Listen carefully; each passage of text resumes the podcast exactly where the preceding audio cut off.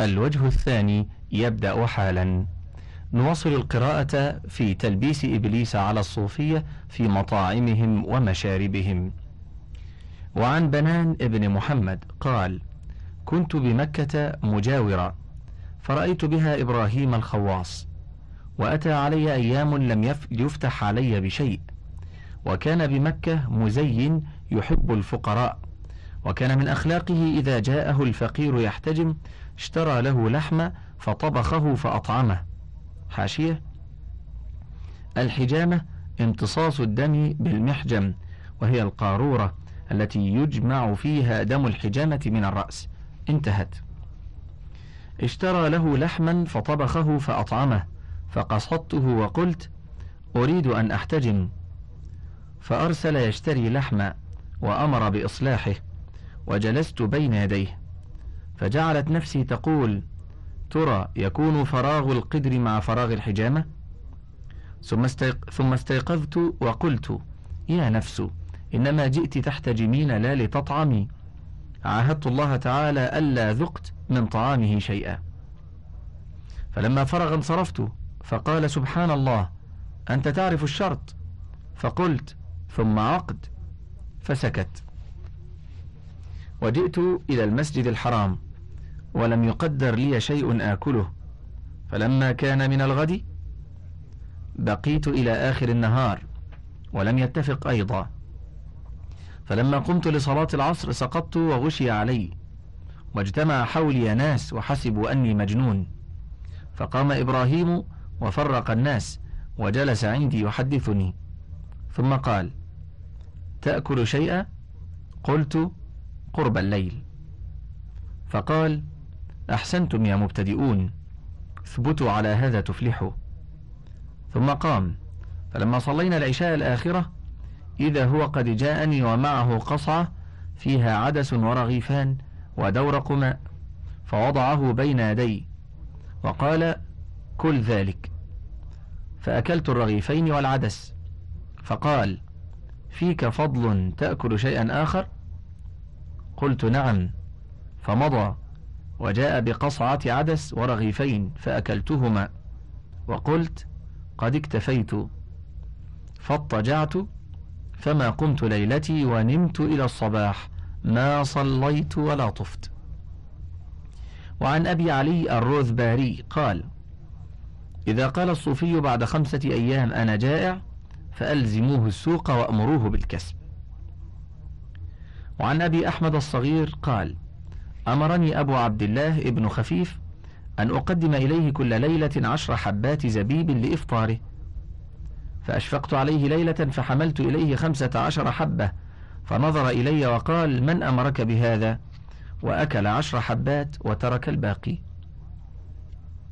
وعن عبد الله بن خفيف قال كنت في ابتدائي بقيت أربعين شهرا أفطر كل ليلة بكف باقلاء فمضيت يوما فاقتصدت فخرج من عرقي شبه ماء اللحم وغشي علي فتحير الفصاد وقال ما رأيت جسدا لا دم فيه إلا هذا. حاشية الباقلاء نبات تؤكل قرونه مطبوخة وكذلك بذوره. الفصاد من يخرج مقدارا من دم الوريد بقصد العلاج. انتهت. فصل قال المصنف وقد كان فيهم قوم لا يأكلون اللحم حتى قال بعضهم أكل درهم من اللحم يقسي القلب أربعين صباحا.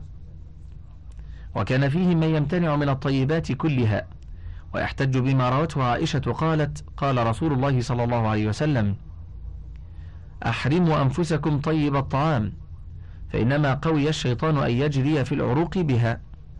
حاشية؟ موضوع. الديلمي في مسند الفردوس برقم واحد وعشرين بعد الثلاثمائة. وابن عراق في تنزيه الشريعة المرفوعة. وقال ابن الجوزي من حديث عائشة وفيه بزيع أبو الخليل البصري وهو المتهم به الجزء الثاني الصفحة الأربعون بعد المئتين. وبزيع هذا قال فيه الدار قطني متروك. كوفي عن الأعمش وهشام ابن عروة بواطيل الضعفاء والمتروكون برقم 32 ومئة الضعفاء الكبير برقم ثمانية وتسعين ومائة انتهت. وفيهم من كان يمتنع من شرب الماء الصافي وفيهم من يمتنع من شرب الماء البارد فيشرب الحار. ومنهم من كان يجعل ماءه في دن مدفون في الأرض. حاشية الدن وعاء ضخم للخمر وغيرها وانتهت الحاشية. فيصير حارا. ومنهم من يعاقب نفسه بترك الماء مدة. وعن عيسى بن موسى البسطامي قال سمعت أبي يقول سمعت عمي خادم أبي يزيد يقول ما أكلت شيئا مما يأكله بنو آدم أربعين سنة وأسهل ما لاقت نفسي مني أن سألتها أمرا من الأمور فأبت. فعزمت ألا أشرب الماء سنة فما شربت الماء سنة. وحكى أبو حامد الغزالي عن أبي يزيد أنه قال دعوت نفسي إلى الله عز وجل فجمحت فعزمت عليها ألا أشرب الماء سنة ولا أذوق النوم سنة فوفت لي بذلك. فصل. قال المصنف وقد رتب أبو طالب المكي للقوم ترتيبات في المطاعم فقال أستحب للمريد ألا يزيد على رغيفين في يوم وليلة. قال ومن الناس من كان يعمل في الأقوات فيقلها وكان بعضهم يزن قوته بالكربة من كرب النخل. حاشية؟ الكرب الأصل العريض للسعف إذا يبس والكربة والكرابة ما يلتقط من التمر في أصول السعف بعدما تصرم. انتهت الحاشية. وهي تجف كل يوم قليلا. فينقص من قوته بمقدار ذلك. قال ومنهم من كان يعمل في الأوقات فيأكل كل يوم ثم يتدرج إلى يومين وثلاثة. قال والجوع ينقص دم الفؤاد فيبيضه وفي بياضه نوره ويذيب شحم الفؤاد وفي ذوبانه رقته وفي رقته مفتاح المكاشفة. قال المصنف رحمه الله تعالى وقد صنف لهم أبو عبد الله محمد بن علي الترمذي كتابا سماه رياضة النفوس. قال فيه فينبغي للمبتدي في هذا الأمر أن يصوم شهرين متتابعين توبة من الله ثم يفطر فيطعم اليسير ويأكل كسرة كسرة ويقطع الإدام والفواكه واللذة ومجالسة الإخوان والنظر في الكتب. وهذه كلها أفراح للنفس فيمنع النفس لذتها حتى تملأ غما. قال المصنف وقد أخرج لهم بعض المتأخرين الأربعينية. يبقى أحدهم أربعين يوما لا يأكل الخبز ولكنه يشرب الزيوتات ويأكل الفواكه الكثيرة اللذيذة. فهذه نبذة من ذكر أفعالهم في مطاعمهم يدل مذكورها على مغفلها. فصل في بيان تلبيس إبليس عليهم في هذه الأفعال وإيضاح الخطأ فيها. حاشية. جاء هنا ذكر محمد ابن علي ابن الحسين ابن بشر أبو عبد الله وهو باحث صوفي وهو الترمذي. من أهل ترمذ نفي منها بسبب تصنيفه كتابا خالف فيه ما عليه أهلها فشهدوا عليه بالكفر. وبعد خروجه منها جاء إلى بلخ فقبلوه لموافقته إياهم على المذهب. من كتبه نوادر الأصول في أحاديث الرسول والفروق وغرس الموحدين الرياضة وأدب النفس المناهي العلل إلى آخره. توفي على الأرجح سنة عشرين وثلاثمائة. الأعلام للزريكلي في الجزء السادس الصفحة الثانية والسبعين بعد المئتين. انتهت الحاشية. فصل في بيان تلبيس إبليس عليهم في هذه الأفعال وإيضاح الخطأ فيها. قال المصنف رحمه الله أما ما نقل عن سهل ففعل لا يجوز لأنه حمل على النفس ما لا تطيق. ثم إن الله عز وجل أكرم الآدميين بالحنطة وجعل قشورها لبهائمهم فلا تصلح مزاحمة البهائم في أكل التبن. وأي غذاء في التبن؟ ومثل هذه الأشياء أشهر من أن, تح من أن تحتاج إلى رد.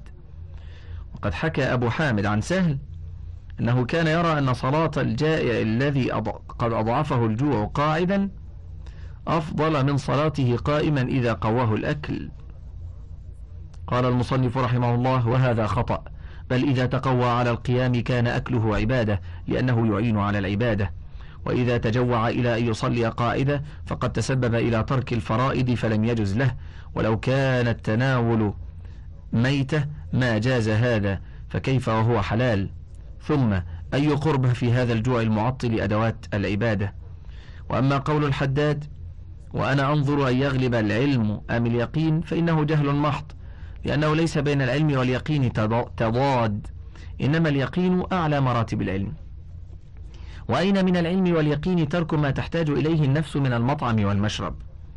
وإنما أشار بالعلم إلى ما أمره الشرع وأشار باليقين إلى قوة الصبر وهذا تخليط قبيح. وهؤلاء قوم شددوا فيما ابتدعوا وكانوا كقريش في تشددهم حتى سموا بالحمس فجحدوا الأصل وشددوا في الفرع. حاشية غمرت قريشا روحانية فابتدعت رأي الحمس وهو التحمس للدين بقوة وعاطفة فقالوا نحن بنو إبراهيم وأهل الحرمة وولاة البيت وقطان مكة وساكنوها فليس لأحد من العرب مثل حقنا ولا مثل منزلتنا. ولا تعرف له العرب مثل ما نعرف لنا ما تعرف لنا. وقالوا نحن الحمس والحمس أهل الحرم وبذلك حرموا على أنفسهم أشياء وفرضوا أخرى.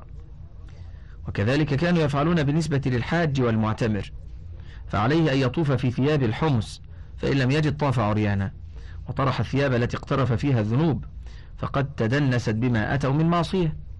وقد جاء الإسلام فقضى على تلك الأوهام بما أنزل في القرآن وسنة الرسول عليه الصلاة والسلام وانتهت الحاشية. وقول الآخر ملحك مدقوق لست تفلح من أقبح الأشياء. وكيف يقال عمن استعمل ما أبيح له لست تفلح. وأما سويق الشعير فإنه يورث القولنج وقول, وقول الآخر الزبد بالعسل إسراف قول مرذول لأن الإسراف ممنوع منه شرعا وهذا مأذون فيه. وقد صح عن رسول الله صلى الله عليه وسلم أنه كان يأكل القثاء بالرطب. حاشية؟ صحيح البخاري في الأطعمة باب القثاء بالرطب وباب القثاء وباب جمع اللونين. الجزء التاسع الصفحة الخامسة والسبعون والأربعمائة والخامسة والثمانون والأربعمائة. ومسلم في الأشربة باب أكل القثاء بالرطب في الصفحة السابعة والأربعين والمئة والقثاء قال الفيومي فعال وكسر القاف أكثر من ضمها قثاء وقثاء. وهو اسم لما يسميه الناس الخيار والعجور والفقوس. الواحدة قثاءة. انتهت الحاشية. وكان يحب الحلوى والعسل. حاشية سبق تخريجه. انتهت. وعن سهل أنه قال قسمت قوتي وعقلي سبعة أجزاء ففعل يذم به ولا يمدح عليه. إذ لم يأمر الشرع بمثله وهو إلى التحريم أقرب لأنه ظلم للنفس وترك لحقها. وكذلك قول الذي قال ما أكلت إلى وقت أن يباح لي أكل الميتة فإنه فعل برأيه المرذول وحمل على النفس مع وجود الحلال. وقول أبي يزيد القوت عندنا لله كلام ركيك.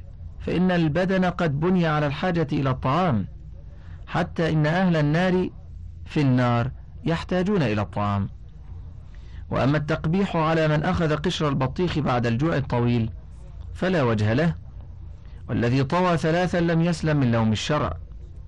وكذلك الذي عاهد ألا يأكل حين احتجم حتى وقع في الضعف فإنه فعل ما لا يحل له. وقول إبراهيم له أحسنتم يا مبتدئون خطأ أيضا. فإنه كان ينبغي أن يلزمه بالفطر ولو كان في رمضان. إذ من له أيام لم يأكل وقد احتجم وغشي عليه لا يجوز له أن يصوم.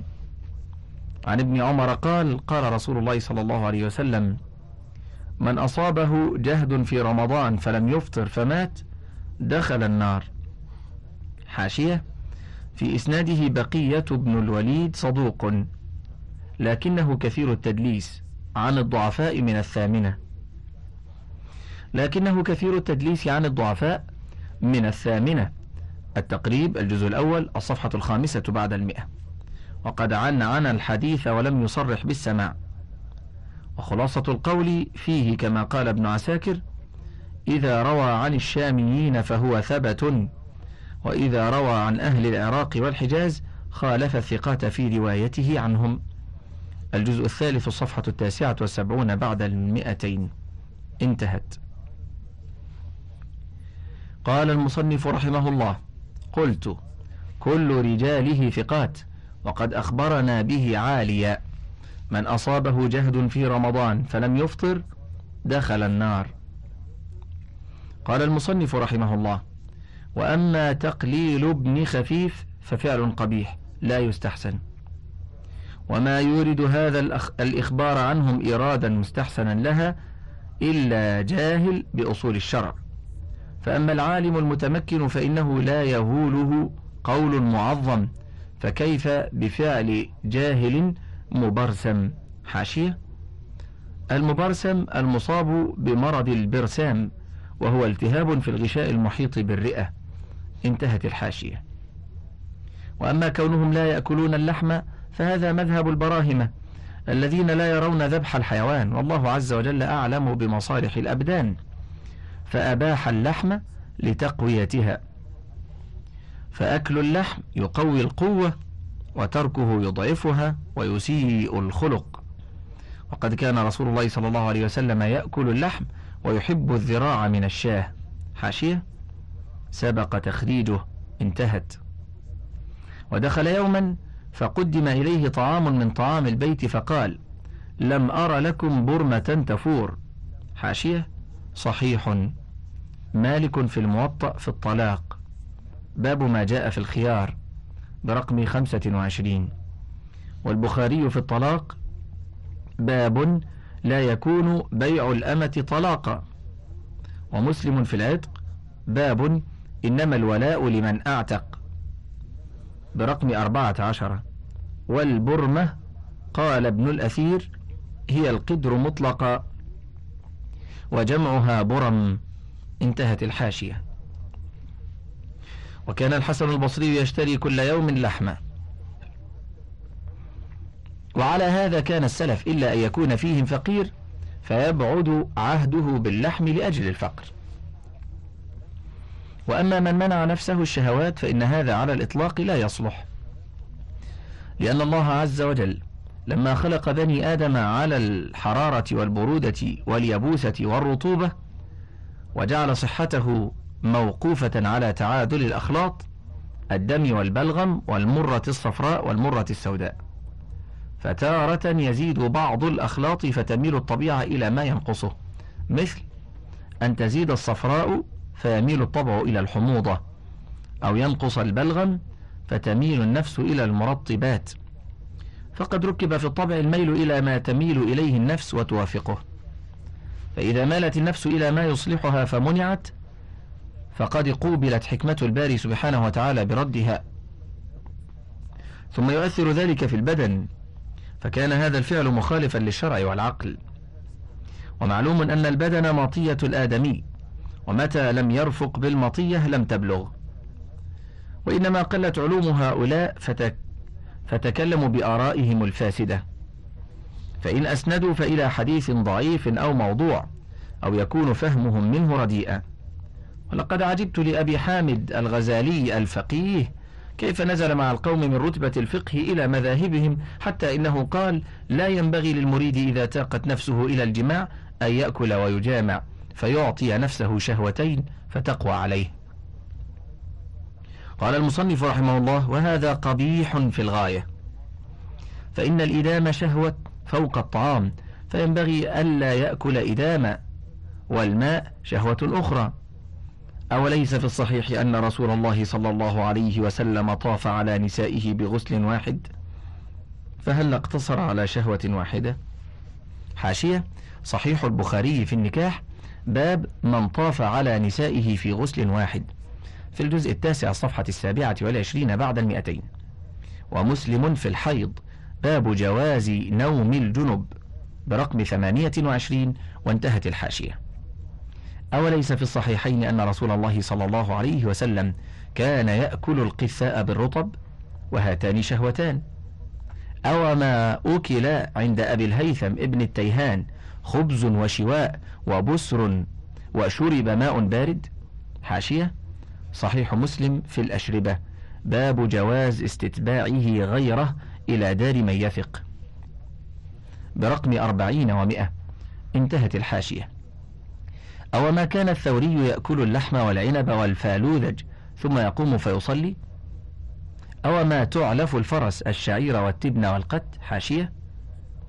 القت جنس نباتات عشبية فيه أنواع تزرع وأخرى تنبت برية في الحقول. انتهت الحاشية. وتطعم الناقة الخبط والحمض حاشية. الخبط ما سقط من ورق الشجر بالخبط والنفض. انتهت. وهل البدن إلا ناقة؟ وإنما نهى بعض القدماء عن الجمع بين إدامين على الدوام لئلا يتخذ ذلك عادة. فيحوج إلى كلفة. وإنما تجتنب فضول الشهوات لئلا يكون سببا لكثرة الأكل وجلب النوم ولئلا تتعود فيقل الصبر عنها فيحتاج الإنسان إلى تضييع العمر في كسبها. وربما تناولها من غير وجهها.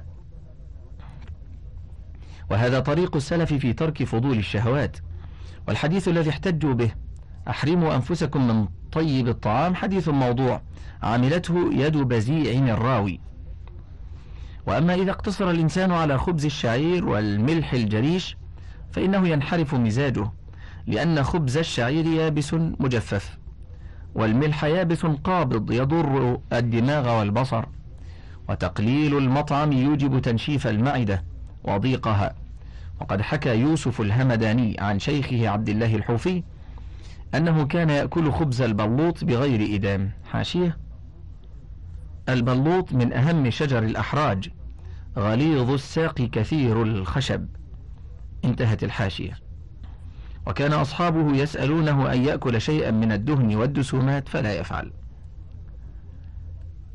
قال المصنف رحمه الله وهذا يورث القولنج الشديد. واعلم أن المذموم من الأكل إنما هو فرط الشبع. وأحسن الآداب في المطعم أدب الشارع صلى الله عليه وسلم. عن المقدام بن معدي كرب قال سمعت رسول الله صلى الله عليه وسلم يقول ما ملأ ابن آدم وعاء شرا من بطنه حسب ابن آدم أكلات يقمن صلبه فإن كان لابد فثلث طعام وثلث شراب وثلث لنفسه. حاشية صحيح. الترمذي في الزهد باب ما جاء في كراهية كثرة الأكل برقم ثمانين وثلاثمائة بعد الألفين. أحمد في المسند في الجزء الرابع في الصفحة الثانية والثلاثين والمئة. الحاكم في المستدرك الجزء الرابع صفحة الحادية والثلاثون والثلاثمائة والثانية والثلاثون والثلاثمائة. صحيح الجامع برقم أربعة وسبعين وستمائة بعد خمسة الآلاف وانتهت الحاشية. قال المصنف رحمه الله قلت فقد أمر الشرع بما يقيم النفس حفظا لها وسعيا في مصلحتها. ولو سمع أبو قرات هذه القسمة في قوله ثلث وثلث وثلث لدهش من هذه الحكمة لأن الطعام والشراب يربوان في المعدة فيتقارب ملئها فيبقى للنفس من الثلث قريب فهذا أعدل الأمور. فإن نقص منه قليلا لم يضر وإن زاد النقصان أضعف القوة وضيق المجاري على الطعام. فصل.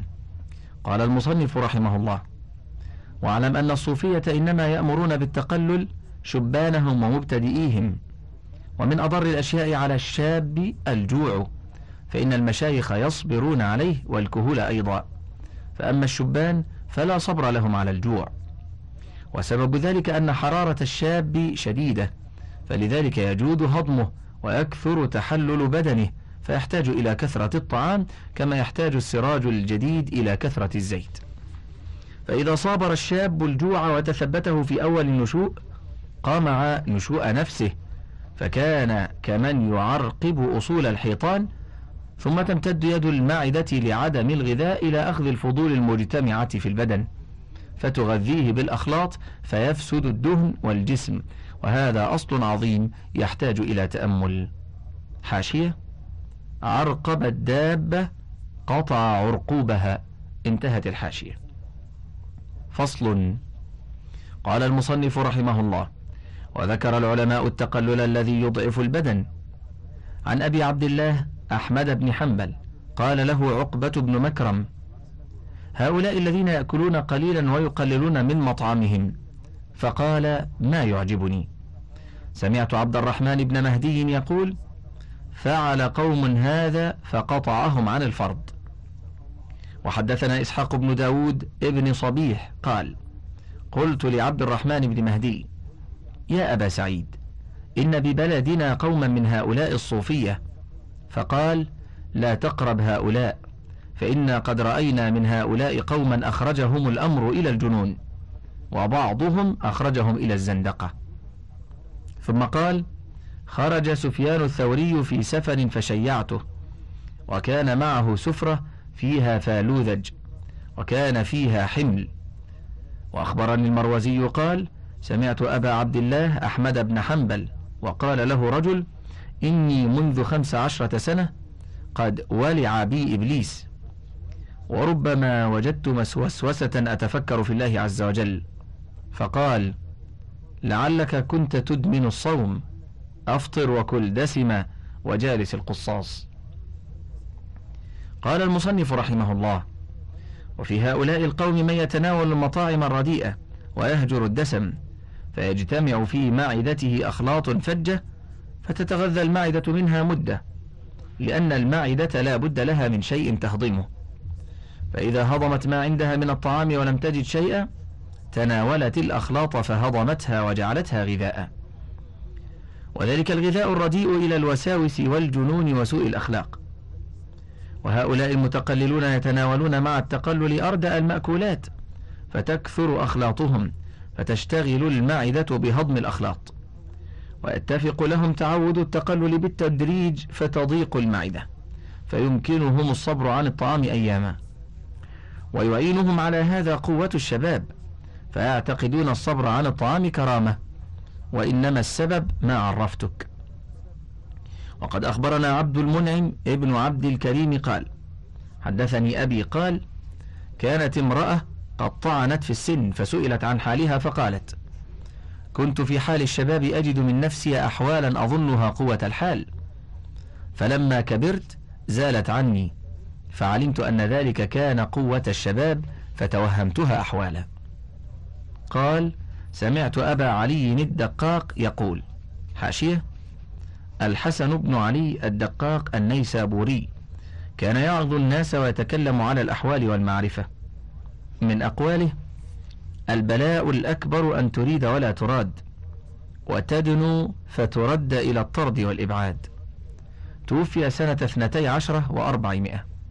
البداية والنهاية الجزء الثاني عشر الصفحة الثالثة عشرة. انتهت. قال سمعت أبا علي الدقاق يقول ما سمع أحد هذه الحكاية من الشيوخ إلا رق لهذه العجوز وقال إنها كانت منصفة.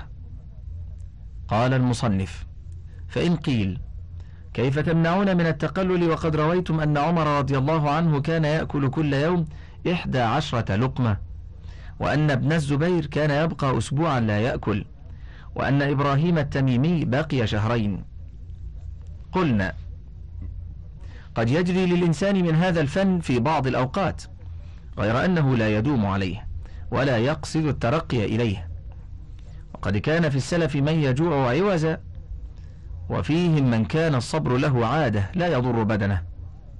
وفي العرب من يبقى أياما لا يزيد على شرب اللبن ونحن لا نأمر بالشبع إنما ننهى عن جوع يضعف القوة ويؤذي البدن. وإذا ضعف البدن قلت العبادة فإن حملت قوة الشباب جاء الشيب فأقذع بالراكب. حاشية أقذع أي شتمه بالكلام السيء والمقصود أن الشيب يأتي للإنسان فيضعفه وتسوء حاله. انتهت الحاشية. انتهى الشريط السادس عشر من كتاب تلبيس إبليس وله بقية على الشريط التالي.